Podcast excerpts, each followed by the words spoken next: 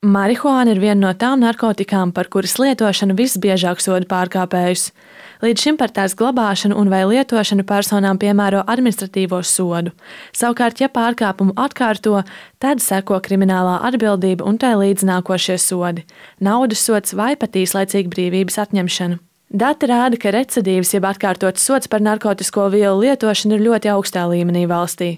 Tas atspoguļo to, ka, ja cilvēkam ir atkarība, soda mērs viņu neuztrauc. Piemēram, pērn vienu personu pat 15 reizes administratīvi sodīja.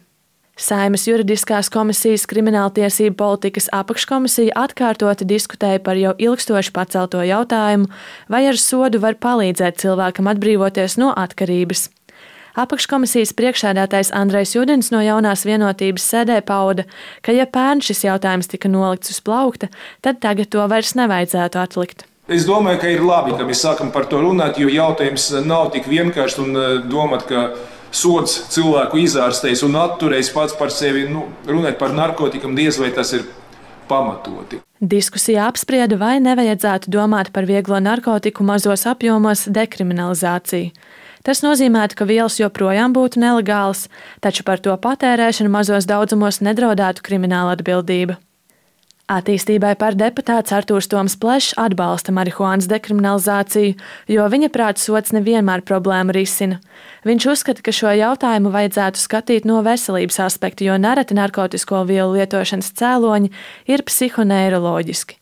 Tas nozīmē, ka ir nepieciešama ārstēšana, nevis sodīšana. Numur viens arguments ir tas, ka mēs realitātē vienkārši ar, ar sodīšanu to problēmu nerisinām. Nu, mēs vienkārši uz īsu mirkli viņu paslaukam zem tepiņa, bet eh, tas, ko rāda dažādas pasaules pieredzes, arī patiesībā šeit kaimiņu valstīs, Igaunijā, kad eh, ja mēs mainām fokusu vairāk uz cilvēku ārstēšanu, tas sniedz pozitīvus rezultātus, ka cilvēki ilgākā termiņā teikt, nelieto vai mazāk lieto šīs aizliegtās vielas, ir mazāk HIV saslimušo skaits un tam līdzīgas tendences, kas kopumā pozitīvā veidā ietekmē kopējo sabiedrības veselību. Arī Latvijā sāk virzīties no sodīšanas uz rehabilitāciju. Par to liecina ministru kabineta rīkojums, ar kuru pērn vasarā šo jautājumu no iekšlietu ministrijas pārvirzīja veselības ministrijas pārziņā. Tā vietā fokus no sodīšanas lēnām tiek pārvirzīts uz veselības aprūpi, sociālo rehabilitāciju un iekļaušanu sabiedrībā. Skatoties uz citām Eiropas valstīm, kā piemēru diskusijā min Igauniju, kur narkotiku lietotājiem nedraud krimināls sods gadījumā, ja viņi iziet rehabilitācijas kursu brīvprātīgi. Ja viņi tam nepiekrīt, tad var tikt saukti pie krimināla atbildības. Uz šo piemēru sēdē pozitīvi atsaucās arī veselības ministrijas pārstāve Inga Birzniece. Vairums valstu šobrīd vairāk iet tajā virzienā, kas ir vai no administratīvie sodi, vai ārstēšana, vai rehabilitācija, bet te uzreiz ir jāmin, ka attiecīgi ir jābūt gatavai arī pārējai sistēmai, ja mēs runājam kaut vai par veselības aprūpi, vai mēs runājam par šo sociālo sistēmu. Viņa gan pieļauj, ka sākumā iespējams varētu pieaugt lietotāju skaits, tāpēc ir saulēcīgi jāsagatavo veselības aprūpes sistēma.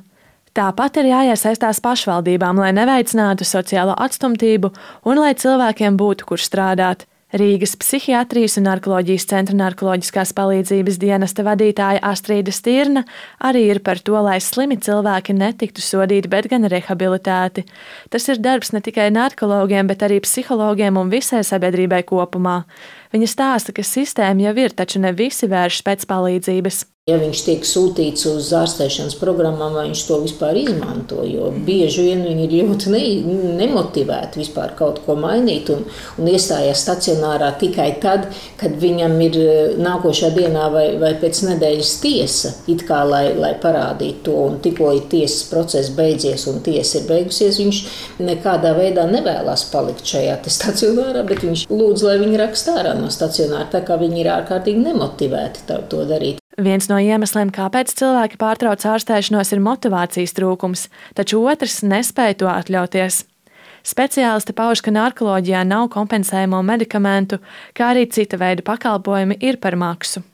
Tādēļ Stirna uzskata, ka vajadzētu atbrīvot cilvēku no krimināla atbildības un domāt par ārstniecību. Es uzskatu, ka tomēr vajadzētu dekriminalizēt tajos gadījumos, ja tiešām iet runa tikai par lietošanu Protams, ka tīri lietošana nebūtu tas eh, pareizais, ka viņus vajadzētu sodīt, bet vajadzētu dot iespēju viņiem ārstēties. Ja viņš to nepieņem un nepiekrīt, nu, tad tā ir arī, protams, krimināla atbildība. Savukārt narkoloģi paredz, ka tad, ja pavisam marihuānas lietošanu dekriminalizēs, tad pieaugs lietotāju skaits. Noteikti palielinātos. To, to mēs ļoti labi redzam, kas notiek ar legālām vielām, tai pašai alkohola un tabakas lietošanai. Tātad tās ir legālas vielas, un tām sekas mēs arī dien dienā ar to sastopamies. Un tur ir vajadzīgi papildus līdzekļi. Nedomāju, ka mūsu valsts ir gatava paplašināt šo ārstēšanas iespējas. Viņas prāt jāveic saulēcīga profilakse, jāizglīto par šo tēmu skolēni. Tāpat jādomā par ārstniecību, lai finansiāli tā būtu pieejama. Savukārt vēl viens arguments par labu marihuānas dekriminalizācijai ir policijas resursu pārvirzīšana. Tādā veidā policija varētu veltīt laiku nopietnākām krimināla izmeklēšanām, kas prasa lielākus resursus. Iekšlietu ministrijas pārstāve Agnese Zīle Veisberga diskusijā šai iecerēja politiski sacīnē, tomēr ministrija vēlētos apzināt arī citus risinājumus. Negatīvu šo jautājumu viņi raugās, jo pirmkārt, narkotiku lietošana kļūs redzamāka, otrkārt, varētu palielināties lietotāju skaits. Tam varētu sakot scenārijs, ka policija piespriedīs administratīvos pārkāpumus dažiem cilvēkiem pat katru dienu, savukārt sodi netiks maksāti, jo ne visi to var atļauties. Arī saimas deputāte Jūlijas Tepaņenko ir pret šo iniciatīvu. Viņa uzskata, ka sodus vajadzētu pat pastiprināt. Man šķiet, ka tas sots tomēr attur un mēģināt tagad kaut kādā veidā izdalīt vieglās narkotikas no smagajām un mēģināt klasificēt, par ko mums ir jāsoda, par ko mums nav jāsoda, vai, piemēram, nu, saglabājot to administratīvo sodu, nebūtu pareizi, manuprāt šāda pieeja. Jo, nu, pirmkārt, protams, tas ir signāls sabiedrībai negatīvs, nu, ka mēs piekrītam, ka tiešām mēs netiekam galā ar šo problēmu.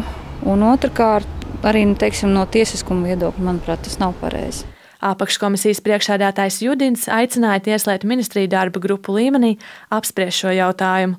Aptuveni jau pēc diviem mēnešiem apakškomisija varētu turpināt diskusijas un sākt runāt par tālākiem soļiem. Linda Spundiņa, Latvijas radio.